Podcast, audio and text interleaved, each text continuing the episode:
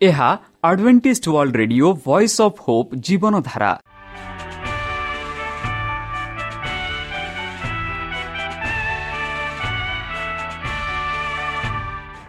Odia radio କାର୍ଯ୍ୟକ୍ରମ ଯାହା ଆମର ଆନ୍ତର୍ଜାତୀୟ ଆଘାତ କେନ୍ଦ୍ରରୁ ପ୍ରସାରଣ କରାଯାଉଛି ପ୍ରତିଦିନ ରାତି ନଅଟା ତିରିଶ ମିନିଟ୍ରେ।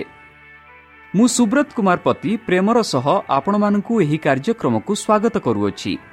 ଚାଲନ୍ତୁ ଆଜିର ତିରିଶ ମିନିଟ୍ର କାର୍ଯ୍ୟକ୍ରମ ବିଷୟରେ ଜାଣିନେବା। ପ୍ରଥମେ ରଖିଛୁ ଆଧ୍ୟାତ୍ମିକ ଭକ୍ତିମୟ ଗୀତ। ଭକ୍ତଙ୍କଠାରୁ ଜୀବନଦାୟକ ଈଶ୍ୱରଙ୍କ ବାକ୍ୟ। ପ୍ରିୟ ଶ୍ରୋତା ତାହେଲେ ଚାଲନ୍ତୁ ଶୁଣିବା ଏକ ଆଧ୍ୟାତ୍ମିକ ଭକ୍ତିମୟ ଗୀତ।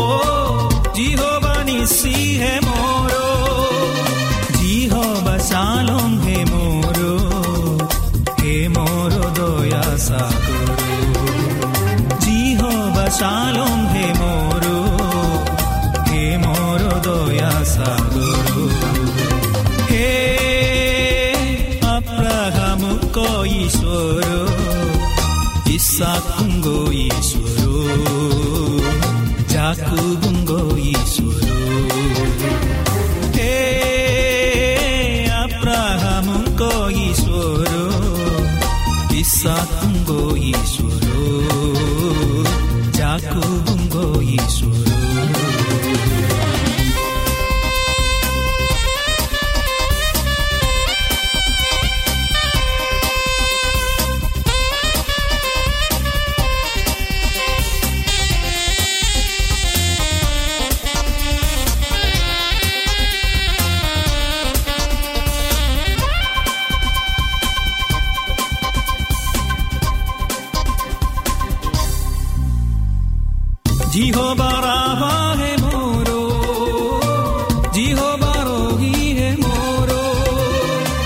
Jehovah.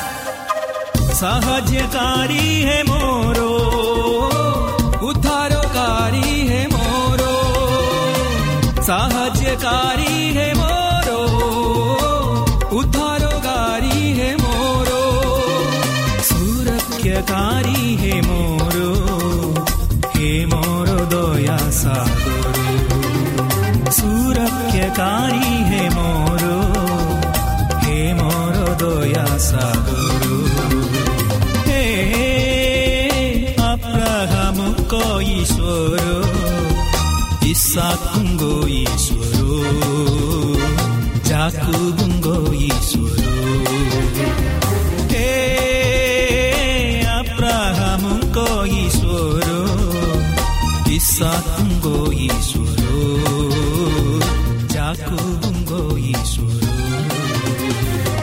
ଆମ ଠିକଣା Adventist media centre SDA mission compound Salisbury park Pune ଚାରି ଏକ ଏକ ଶୂନ ତିନି ସାତ ମହାରାଷ୍ଟ୍ର ବା ଖୋଲନ୍ତୁ ଆମର ୱେବସାଇଟ୍ ଯେକୌଣସି android phone smartphone desktop laptop କିମ୍ବା ଟ୍ୟାବ୍ଲେଟ୍ ଆମର website W W W dot A W R dot O R G slash O R I ଏବଂ W W W dot Adventist media centre India dot O R G Adventist media centre ଇଣ୍ଡିଆର spelling ହେଉଛି A D V E N T I S T M E D I A C E N T R E I N D I A ବର୍ତ୍ତମାନ ଚାଲନ୍ତୁ ଶୁଣିବା ଈଶ୍ୱରଙ୍କ ଭକ୍ତଙ୍କଠାରୁ ଈଶ୍ୱରଙ୍କ ଜୀବନଦାୟକ ବାକ୍ୟ।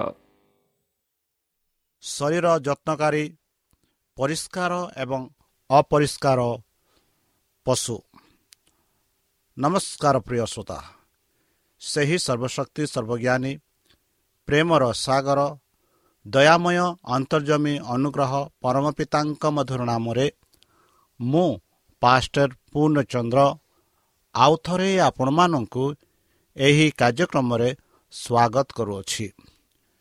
ସେହି ସର୍ବଶକ୍ତି ପରମେଶ୍ୱର ଆପଣମାନଙ୍କୁ ଆଶୀର୍ବାଦ କରନ୍ତୁ।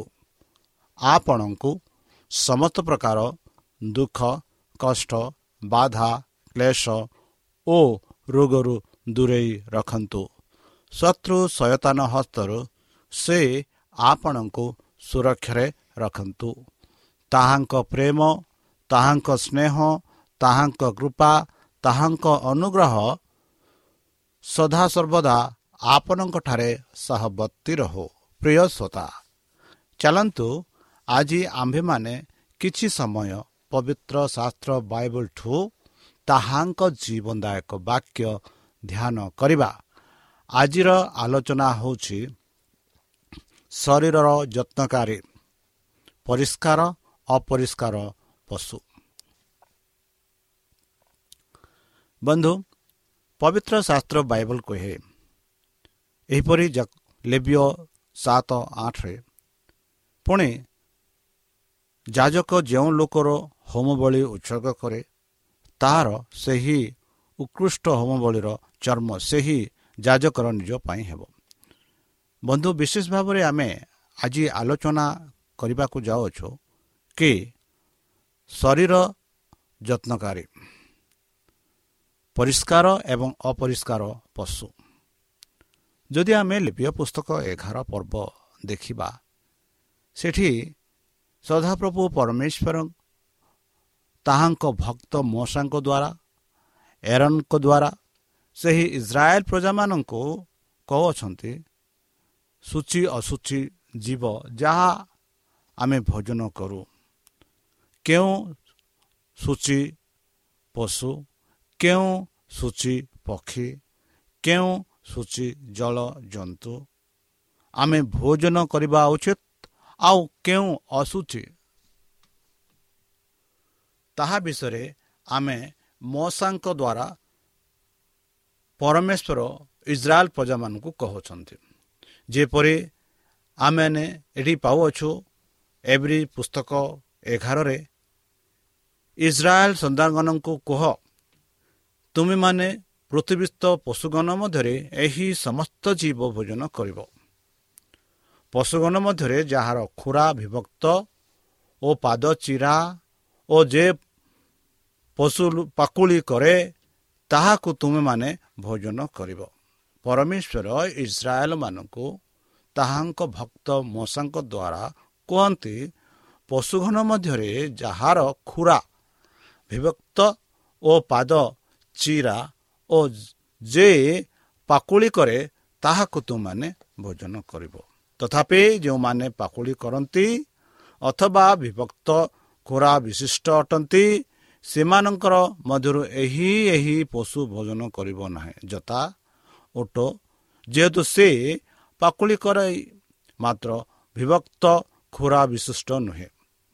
ତାହା ତୁମାନଙ୍କ ପ୍ରତି ଅସୁଚି ବୋଲି ପରମେଶ୍ୱର କହନ୍ତି। ତାପରେ ପରମେଶ୍ୱର କହନ୍ତି ସାପନ ପଶୁ ଯେହେତୁ ସେ ପାକୁଳି କରେ ମାତ୍ର ବିଭକ୍ତ ଖୁରା ବିଶିଷ୍ଟ ନୁହେଁ ତାହା ତୁମାନଙ୍କ ପ୍ରତି ଆସୁଛି ବୋଲି ପରମେଶ୍ୱର କହୁଛନ୍ତି। ଯେପରି ଠେକୁଆ ଯେହେତୁ ସେ ପାକୁଳି କରେ ମାତ୍ର ବିଭକ୍ତ ଖୋରା ବିଶିଷ୍ଟ ନୁହେଁ ତାହା ତୁମାନେ ତୁମାନଙ୍କ ପ୍ରତି ଆସୁଛି ବନ୍ଧୁ ଠେକୁଆ ବିଷୟରେ ଯଦି ଆମେ ଆଲୋଚନା କରିବା ଆଜିକାଲି ଲୋକେ ଠେକୁଆ ପାଲନ୍ତି ଠେକୁଆ ମାସ ଖାଆନ୍ତି ଆଉ ସେଇ ମାଂସକୁ ବହୁତ ପସନ୍ଦ କରନ୍ତି। ଆଉ ପରମେଶ୍ୱର କହନ୍ତି କି ଠେକୁଆ ଆମେ ଖାଇବାର ନୁହଁ। ଯେହେତୁ ଠେକୁଆ ହେଉଛି ଅସୁଚି ପଶୁ ଯେହେତୁ ତାହାର ବିଭକ୍ତ ଖୋରା ବିଶିଷ୍ଟ ନୁହେଁ। ତାହା ତୁମାନଙ୍କ ପ୍ରତି ବୋଲି ପରମେଶ୍ୱର ଅସୁଚି ବୋଲି ପରମେଶ୍ୱର କହୁଛନ୍ତି।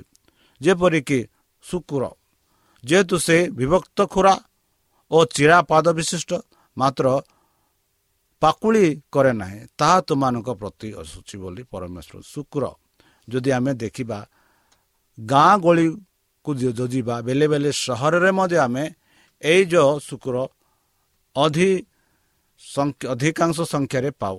ଆଉ ପରମେଶ୍ୱର କହନ୍ତି ସେହି ସବୁ ଶୁକ୍ର ମାଂସ କିଛି ଛୁଇଁବାର ଆବଶ୍ୟକ ନାହିଁ ଯେହେତୁ ସେହି ଶୁକ୍ର ହେଉଛି ଅସୁଚି ପଶୁ। ତୁମେମାନେ ସେମାନଙ୍କର ମାଂସ ଭୋଜନ କରିବ ନାହିଁ ଓ ସେମାନଙ୍କ ଶବ ସ୍ପର୍ଶ କରିବ ନାହିଁ। ସେମାନେ ସେମାନଙ୍କ ପ୍ରତି ଅସୁଚି ବୋଲି ପରମେଶ୍ୱର କହୁଛନ୍ତି। ପରମେଶ୍ୱର କହନ୍ତି କି ସେମାନଙ୍କର ମାଂସ ଖାଇବନି ସେମାନଙ୍କୁ ଛୁଇଁବନି ସେମାନଙ୍କ ସହବ ସ୍ପର୍ଶ ବା ଛୁଇଁବନି। ଯେହେତୁ ଯଦି ତୁମେ ସେହା କରିବ ତୁମେ ଅସୁଚି ହୋଇଯିବ। ଆଉ ସେଇ ସବୁ ସେମାନେ ତୁମମାନଙ୍କ ପାଇଁ ଅସୁଚି ବୋଲି ପରମେଶ୍ୱର କହୁଛନ୍ତି। ତା ବାଦ୍ୟରେ ଜଳଜନ୍ତୁ ମଧ୍ୟରୁ ଏହି ସବୁ ତୁମାନେ ଭୋଜନ କରିପାରିବ। ଜଳରେ ସମୁଦ୍ରରେ ଓ ନଦୀରେ ସ୍ଥିତ ଜନ୍ତୁ ମଧ୍ୟରେ ଯାହାର ଜଣା ଓ କାତି ଅଛି ତାହା ତୁମମାନେ ଭୋଜନ କରିବ। ବନ୍ଧୁ ଜଳରେ ଅନେକ ପ୍ରକାର ଜନ୍ତୁ ବାସ କରନ୍ତୁ। ବଡ଼ଠୁ ଛୋଟ ବହୁତ ସଂଖ୍ୟା ଭାବେ ଆମେ ଜଳରେ ଜଳଜନ୍ତୁ ପାଉ। ମାତ୍ର ସେହି ଜଳଜନ୍ତୁ ସମସ୍ତଙ୍କର କାହାର ଡେଣା ନାହିଁ କାହାର ଡେଣା ଥାଏ କାହାର କାତି ଥାଏ କାହାର କାତି ନାହିଁ। ଆଉ ପରମେଶ୍ୱର ଆମମାନଙ୍କୁ ସ୍ପଷ୍ଟ ରୂପରେ କହନ୍ତି ଯାହାର ଡେଣା ଓ କାତି ଉଭୟ ଯଦି ଅଛି ସେହି ଜଳଜନ୍ତୁ ଆମେ ଭୋଜନ କରିପାରିବା। ଯଦି କାହାର ଡେଣା ଅଛି ଆଉ ତାର କାତି ନାହିଁ ଆଉ ଯାହାର କାତି ଅଛି ତାର ଡେଣା ନାହିଁ ସେହି ଜନ୍ତୁକୁ ଆମେ ଖାଇବାକୁ ନାହିଁ ସେହି ଜଳଜନ୍ତୁ ଆମେ ପାନ କରିବା ବା ଭୋଜନ କରିବାର ଉଚିତ ନାହିଁ। ଯେହେତୁ ସେହି ଜନ୍ତୁ ଗୁଡ଼ାକ ଅସୁଚି ବୋଲି ପରମେଶ୍ୱର ଆମମାନଙ୍କୁ କହୁଛନ୍ତି। ମାତ୍ର ସମୁଦ୍ରର ଓ ନଦୀର ସ୍ଥିତ ସମସ୍ତ ଜଳରେ ଅବା ଜଳସ୍ଥିତ ପ୍ରାଣୀମାନଙ୍କ ଯେଉଁ ମଧ୍ୟରେ ସେମାନଙ୍କର ଡେଣା ଓ ଜାତି କାତି ନାହିଁ ସେମାନେ ତୁମାନଙ୍କ ପ୍ରତି ଘୃଣା ଯୋଗ୍ୟ ଅଟନ୍ତି। ବନ୍ଧୁ ସମୁଦ୍ରରେ ଯେତେ ସ୍ଥିତ ସମସ୍ତ ଜଳରେ ଜଳସ୍ଥିତ ପ୍ରାଣୀମାନଙ୍କ ମଧ୍ୟରେ ଯେଉଁ ଯେଉଁ ପ୍ରାଣୀମାନଙ୍କ ଠାରେ ଡେଣା ଓ କାତି ନାହିଁ ଆଉ ସେହି ପଶୁମାନେ ଆମମାନଙ୍କ ପାଇଁ ଘୃଣା ଯୋଗ୍ୟ ଅଟନ୍ତି ବୋଲି ପରମେଶ୍ୱର ଆମମାନଙ୍କୁ କହୁଅଛନ୍ତି। ଆଉ ଯେଉଁମାନେ ତୁମମାନଙ୍କ ପ୍ରତି ଘୃଣା ଯୋଗ୍ୟ ହେବ ତୁମେମାନେ ସେମାନଙ୍କ ମାଂସ ଭୋଜନ କରିବ ନାହିଁ। ପୁଣି ସେମାନଙ୍କ ଶବକୁ ଘୃଣା କରିବ। ବନ୍ଧୁ କେଡ଼େ ସୁନ୍ଦର ଭାବରେ ଆମେ ଦେଖୁଅଛୁ। ଆଜିକାଲି ସାରା ଦୁନିଆରେ ଆମେ ଦେଖୁ କି ବିଶେଷ ଭାବରେ ଜଳ ଜନ୍ତୁକୁ ଆମେ ଶୁଖେଇ ଖାଉ। ଆଉ ଯାହାର ମାଂସ ରକ୍ତ ଶୁଖି ଯାଇଥାଏ। ଆଉ ଏମିତି ଜନ୍ତୁ ବି ଆମେ ଶୁଖେଇ କରି ଖାଉ ଯାହାର କାତି ନଥାଏ କି ଡେଣା ନଥାଏ। ଆମେ ଅଧିକ ଭାବରେ ଗାଁ ଗହଳିରେ ଏଇଗୁଡ଼ାକ ଆମେ ଦେଖିଥାଉ। ଆଉ ପରମେଶ୍ୱର କହୁଛନ୍ତି ଯାହାର ଡେଣା ନାହିଁ କି କାତି ନାହିଁ ସେମାନେ ତୁମମାନଙ୍କ ପାଇଁ ଘୃଣାଯୋଗ୍ୟ ଆଉ ସେମାନଙ୍କ ମାଂସ ଖାଅ ନାହିଁ ନ ଖାଇବନି ତାହା ହିଁ ନୁହେଁ ସେମାନଙ୍କ ସ୍ରବକୁ ତୁମେ ଘୃଣା କରିବ ବୋଲି ପରମେଶ୍ୱର ଆମମାନଙ୍କୁ ଆଦେଶ ଦେଉଛନ୍ତି। ଜଳଜନ୍ତୁ ମଧ୍ୟରେ ଯେଉଁମାନଙ୍କର ଡେଣା ଜାତି ନାହିଁ ସେ ମଧ୍ୟରୁ ତୁମମାନଙ୍କ ପ୍ରତି ଘୃଣାଯୋଗ୍ୟ ଅଟେ ବୋଲି ପରମେଶ୍ୱର କହୁଛନ୍ତି। ଆଉ ପକ୍ଷୀଗଣ ମଧ୍ୟରୁ ଏହିସବୁ ତୁମମାନଙ୍କ ଘୃଣାଯୋଗ୍ୟ ହେବ। ସେମାନେ ଖାଦ୍ୟ ନୁହନ୍ତି ଉକ୍ର ଓ ହାଡ଼ ଭଙ୍ଗା ଓ ବହିରି ପୁଣି ବାଜ ଓ ଆପଣା ଆପଣା ଜାତି ଅନୁସାରେ ଚିଲ ପୁଣି ଆପଣା ଆପଣା ଜାତି ଅନୁସାରେ ସମସ୍ତ ଡାମରା କାଉ ଉଷ୍ଟ୍ର ପକ୍ଷୀ ଓ ତାମସ ପକ୍ଷୀ ଓ ସମୁଦ୍ର ଚିଲ ଆପଣା ଆପଣା ଜାତି ଅନୁସାରେ ସଞ୍ଚାଣ ପୁଣି କୋଷ ପକ୍ଷୀ ଓ ପାଣିକୁଆ ଓ ବଗ ଦୀର୍ଘ ଗଳ ହଂସ ଓ ପାଣି ଭେଲା ଓ ଶାଗୁଣା ପୁଣି ସରଳ ଆପଣା ଆପଣା ଜାତି ଅନୁସାରେ କଙ୍କ ଓ ଚିଟିଙ୍ଗ ଓ ଚାମ ଚିକା ପୁଣି ଚାରି ପାଦରେ ଗମନାକାରୀ ପକ୍ଷ ବିଶିଷ୍ଟ ଜନ୍ତୁ ସକଳ ତୁମମାନଙ୍କର ଘୃଣା ଯୋଗ୍ୟ ବୋଲି ପରମେଶ୍ୱର କହୁଛନ୍ତି। କେତେ ସୁନ୍ଦର ଭାବରେ ପରମେଶ୍ୱର ଯେଉଁ ଯେଉଁ ପକ୍ଷୀର ଖାଦ୍ୟ ପକ୍ଷୀର ମାଂସ ଆମେ ଖାଇବାର ଉଚିତ ନାହିଁ ସେହି ପକ୍ଷୀମାନଙ୍କ ନାମ ମଧ୍ୟ ଆମେ ପବିତ୍ର ଶାସ୍ତ୍ର ବାଇବଲରେ ପାଉଅଛୁ। ଆଉ ପରମେଶ୍ୱର ଏହି ପକ୍ଷୀମାନଙ୍କର ମାଂସ ଖାଇବାକୁ ନାହିଁ ବା ସେମାନଙ୍କ ଶବ ବି ଛୁଇଁବନି ବୋଲି ପରମେଶ୍ୱର କହୁଛନ୍ତି। ଯଦି ଛୁଇଁବ ତୁମେ ଅଶୁଚି ହେବ ବୋଲି ପରମେଶ୍ୱର କହୁଛନ୍ତି। ତା ବାଦେ ତଥାପି ଚାରିପାଦରେ ଗମନାକାରୀ ପକ୍ଷ ବିଶିଷ୍ଟ ଜନ୍ତୁ ମଧ୍ୟରେ ଭୂମିରେ ଡେଇଁବା ପାଇଁ ଯେଉଁମାନଙ୍କ ଗୋଡ଼ ନଳି ଦୀର୍ଘ ସେମାନେ ତୁମମାନଙ୍କର ଖାଦ୍ୟ ହେବ ବୋଲି କହନ୍ତି। ଯେଉଁ ଯେଉଁ ଚାରି ଗୋଡ଼ିଆ ପଖ ବିଶିଷ୍ଟ ଜନ୍ତୁ ମଧ୍ୟରେ ଯେଉଁମାନଙ୍କ ଗୋଡ଼ ନଲି ଦୀର୍ଘ ସେମାନେ ତୁମମାନଙ୍କ ଖାଦ୍ୟ ହେବ ବୋଲି ପରମେଶ୍ୱର ମାନଙ୍କୁ କହୁଛନ୍ତି। ଅର୍ଥାତ୍ ଆପଣ ଆପଣ ଜାତି ଅନୁସାରେ ପଙ୍ଗପାଳ ଓ ଆପଣ ଆପଣ ଜାତି ଅନୁସାରେ ବାଗୁଆ ପଡ଼ିଙ୍ଗ ଓ ଆପଣା ଆପଣା ଜାତି ଅନୁସାରେ ଝିଙ୍କାରୀ ଓ ଆପଣା ଆପଣା ଜାତି ଅନୁସାରେ ଝିଣ୍ଟିକା ଏହି ସକଳ ତୁମମାନଙ୍କ ଖାଦ୍ୟ ହେବ ବୋଲି ପରମେଶ୍ୱର କହୁଛନ୍ତି।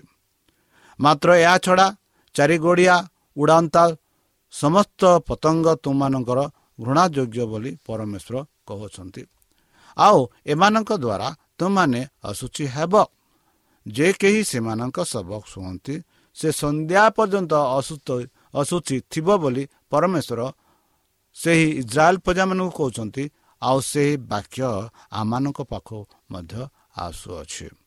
ପୁଣି ଯେ କେହି ସେମାନଙ୍କ ଶବର କୌଣସି ଅଂଶ ବହିବ ସେ ଆପଣା ବସ୍ତ୍ର ଧୋଇବ ଓ ସନ୍ଧ୍ୟା ପର୍ଯ୍ୟନ୍ତ ଅଶୁଚି ରହିବ।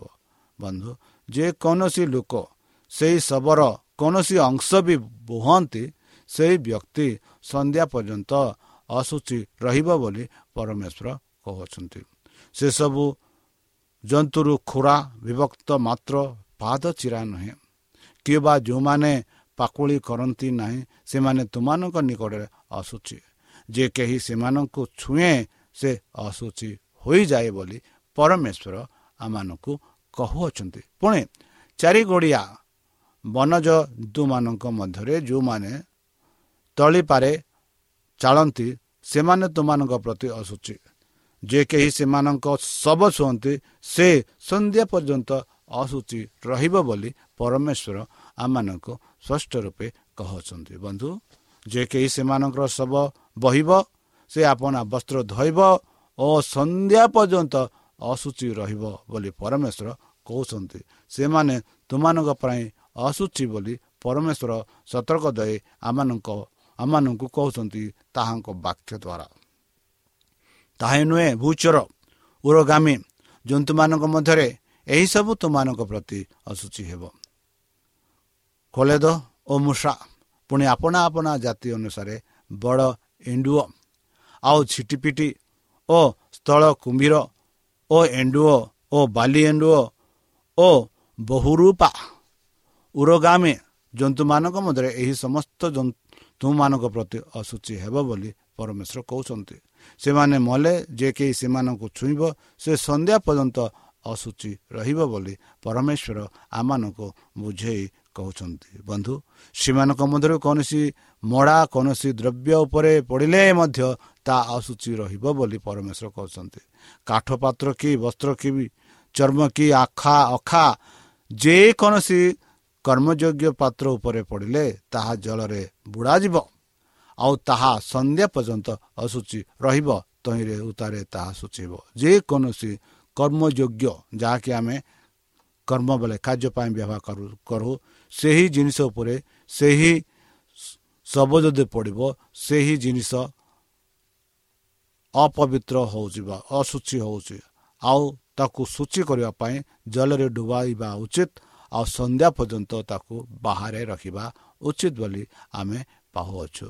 ବନ୍ଧୁ ତାହା ନୁହେଁ କୌଣସି ମାଠି ଆମେ ମାଠି ଯଦି ଦେଖିବା କୌଣସି କୌଣସି ମାଠି ପାତ୍ର ମଧ୍ୟରେ ସେମାନଙ୍କ ଶବ ପଡ଼ିଲେ ତହି ମଧ୍ୟସ୍ଥ ସମସ୍ତ ଦ୍ରବ୍ୟ ଅଶୁଚି ହେବ ଓ ତୁମମାନେ ତାହା ଭାଙ୍ଗି ପକାଇବ। ମାନେ ଯଦି ମାଠି ପାତ୍ରରେ ଯଦି ପାଣି ଭରି ରହିଅଛି ଆଉ ସେଇ ମାଠି ପାତ୍ରରେ ଯଦି ସେଇ ଅଶୁଚି ଶବ ପଡ଼େ ତେବେ ସେହି ମାଠି ପାତ୍ରର ସମସ୍ତ ପାଣି ଅଶୁଚି ହୋଇଯାଏ। ସେଥିଯୋଗୁଁ ସେ ମାଠିକୁ ଭାଙ୍ଗିବାକୁ ପଡ଼ିବ ବୋଲି କହୁଅଛି। ଯେହେତୁ ସେ ମାଠି ଦ୍ୱାରା ସମସ୍ତ ସମ ମଧ୍ୟସ୍ଥିତ ସମସ୍ତ ଦ୍ରବ୍ୟ ଅଶୁଚି ହୋଇଛି ସେ ଯୋଗୁଁ ତାକୁ ଭାଙ୍ଗିବାକୁ ପଡ଼ିବ ବୋଲି ପରମେଶ୍ୱର କହୁଛନ୍ତି। ପୁଣି ଯେଉଁ ସବୁ ଖାଦ୍ୟ ଦ୍ରବ୍ୟ ଉପରେ ଜଳ ଥାଏ ତାହା ଅଶୁଚି ହେବ। ପୁଣି ସର୍ବପ୍ରକାର ପାତ୍ରରେ ସର୍ବପ୍ରକାର ପ୍ରେୟ ଦ୍ରବ୍ୟ ଅଶୁଚି ହେବ ବୋଲି ଆମେ ପାଉଅଛୁ। ବନ୍ଧୁ ପୁଣି ଯେକୌଣସି ଦ୍ରବ୍ୟ ଉପରେ ସେମାନଙ୍କ ଶବର କିଛି ପଡ଼େ ତାହା ଅଶୁଚି ହେବ। ତନ୍ଦୁରୁ କେହି କି ହାଣ୍ଡି ଟଙ୍ଗାରା ହେଉ ତାହା ଭଙ୍ଗାଯିବ ତାହା ଅଶୁଚି ଅଟେ ଓ ତାହା ତୁମମାନଙ୍କ ପ୍ରତି ଅଶୁଚି ହେବ ବୋଲି ପରମେଶ୍ୱର ଆମମାନଙ୍କୁ ସ୍ପଷ୍ଟ ରୂପେ ବୁଝାଇ କହୁଛନ୍ତି। ତଥାପି ନିର୍ଝର କିଏ ବା ଯେଉଁ କୂପରେ ଅନେକ ଜଳ ଥାଏ ତାହା ସୂଚୀ ହେବ।